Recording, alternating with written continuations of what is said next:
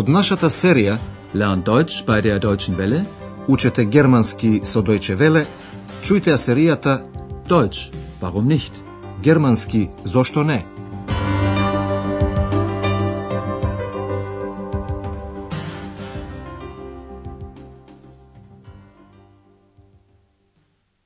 Liebe Hörerinnen und Hörer.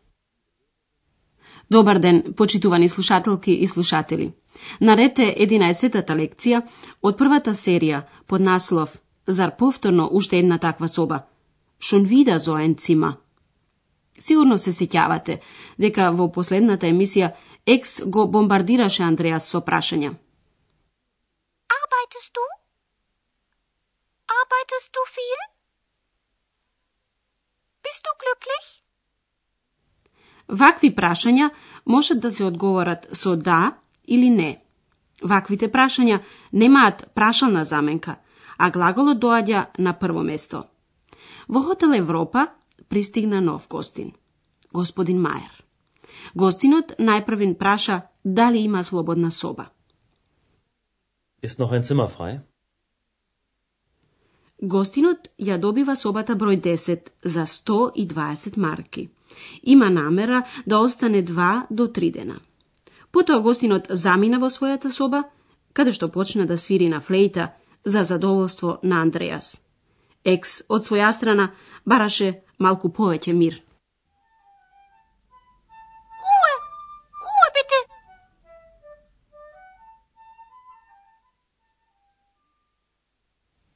Се чини дека екс на работното место на Андреас се чувствува како дома, нели? Да, почитувани слушателки и слушатели, некои гости во хотелот исто така се чувствуваат како дома.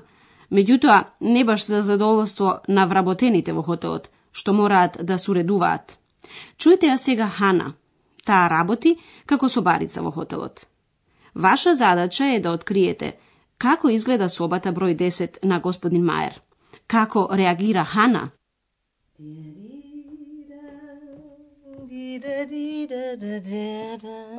Morgen. Hanna. Guten Morgen, Frau Berger.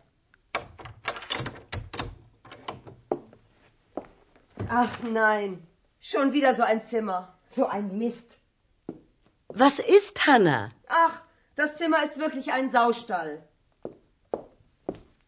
Das kennst du doch. Stimmt. Hanna ja naođa sobata kako kočina i moš nenalutena. Веќе кога ја отвори вратата на прв поглед забележа дека собата број 10 повторно, шон вида, е ненаместена и расфрлена. Schon wieder so ein Zimmer. Господја Бергер ја забележува лутината на Хана и ја прашува. Што е Хана? Was ist, Hanna? Хана одговара луто. Собата вистина изгледа како кочина. Das Zimmer ist wirklich ein Saustall. Господја Бергер погледнува во собата и вели на Хана дека нема ништо несекојдневно. Тоа ти е веќе познато. Das kennst du doch. Хана и потврди. Точно е. Stimmt. Хана почнува да чисти. Станува збор за едно шише, флаше, за вино, за еден пепелник, ашенбеќа и за полно, фол, и полупразно, халпфол. Ваша задача е да споредите што е полно, а што полупразно. Typisch. Eine Flasche. Noch eine. Oh, die Flasche ist ja noch halb voll. Der Aschenbecher voll. Na klar, der Mann raucht und trinkt, die Frau putzt. Und singt. Was? Ist da jemand? Дали споредивте? Пепелникот е полн, а шишето со вино полупразно. Да ви го разјасниме малку монологот на Хана. Таа наоѓа една ситуација која за неа е типична, типиш. Две расфрлени шишиња, флашен, од кои едното е до половина полно. Typisch. Eine Flasche. Noch eine. Oh, die Flasche ist ja noch halb voll. А пепелникот е догоре полн. Пепелникот полн. Der Aschenbecher voll. Хана направи мошне едноставна споредба за мажот, ман, и жената, фрау. Јасно, вели Хана, мажот пуши, раухт, и пие, тринкт, додека жената чисти, пуцт. Der Mann raucht und trinkt, die Frau putzt. А екс додава и пее. Und singt.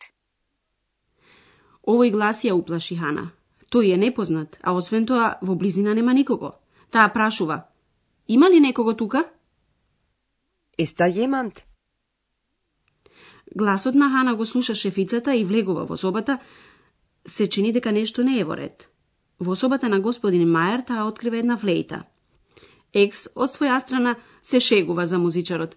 Го нарекува хаотичен и обидете се да откриете што Екс уште вели за него.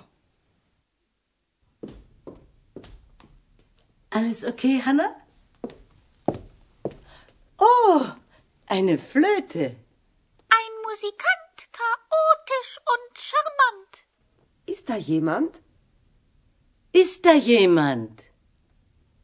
Komisch.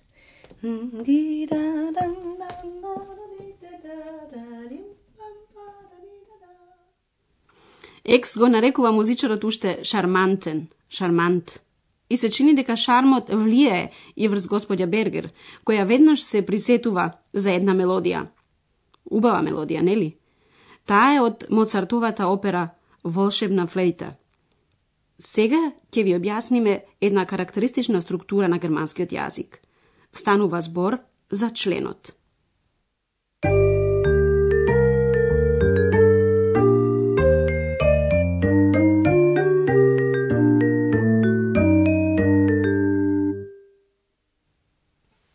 Членот се наоѓа пред именката и го определува граматичкиот род. Во германскиот има три рода – машки, женски и среден. Членот за машки род е der. Der Mann. Der Mann. Членот за среден род е das. Das Zimmer. Das Zimmer. Членот за женски род е die. Die Frau. Die Frau. Членовите der, das и die. Тука се во номинатив, еднина. Тоа се определени членови. Освен тоа, има и неопределени членови. За машки и среден род гласи едноставно ein. Ein Mann. Ein Zimmer. За женски род гласи eine. Eine Flasche. Eine Flasche. За жал, не значи дека родот е секогаш логичен, зашто нема објаснување, како на пример дека работа, Arbeit, е женски род, а кафе машки. Die Arbeit. Der Kaffee. Затоа, со секоја именка мора да го научите и членот. Доколку нешто читате или слушате, обично се спомнува неопределениот член. Исто така и Хана во почетокот го користи неопределениот член. Schon wieder so ein Zimmer. Ако обрнеме внимание на нешто, што веќе пред тоа било спомнато, го користиме определениот член. При поблиску опишување на собата, Хана го користи определениот член. Das Zimmer ist wirklich ein Saustall. Ова правило важи и во наредниот пример. Најпрвин општо се зборува за едно шише, значи се користи неопределениот член. Eine Flasche. Noch eine. Потоа, шишето се карактеризира како полупразно, значи се употребува определениот член. Die Flasche ist ja noch halb voll.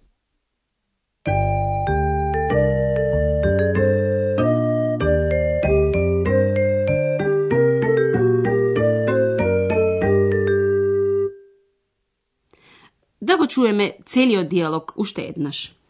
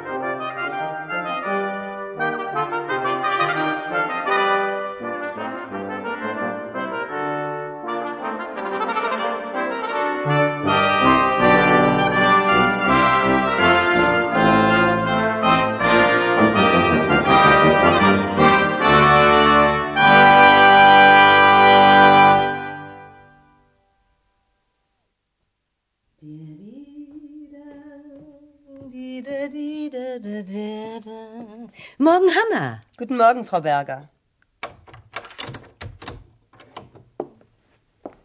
Ach nein, schon wieder so ein Zimmer. So ein Mist.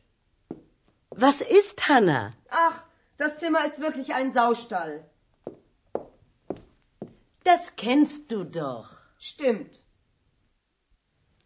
И Хана го почнува расчистувањето. Typisch. Eine Flasche. Noch eine. Oh, die Flasche ist ja noch halb voll. Der Aschenbecher voll. Na klar, der Mann raucht und trinkt, die Frau putzt. Und singt. Was? Ist da jemand? Gospodja Berger otkriva jedna fleita, a eks sa svoja strana se meša vo nastanot. Alles okay, Hanna? Oh, eine Flöte. Ein Musikant, chaotisch und charmant. Ist da jemand? Ist da jemand?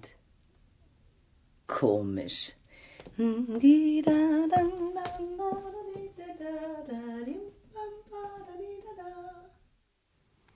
Почитувани слушателки и слушатели, за денеска толку. До слушање до наредната емисија.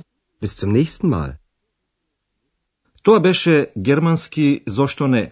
Радиоговорен курс на Херат Мезе во продукција на Дојче Веле и на Гетовиот институт од Минхен.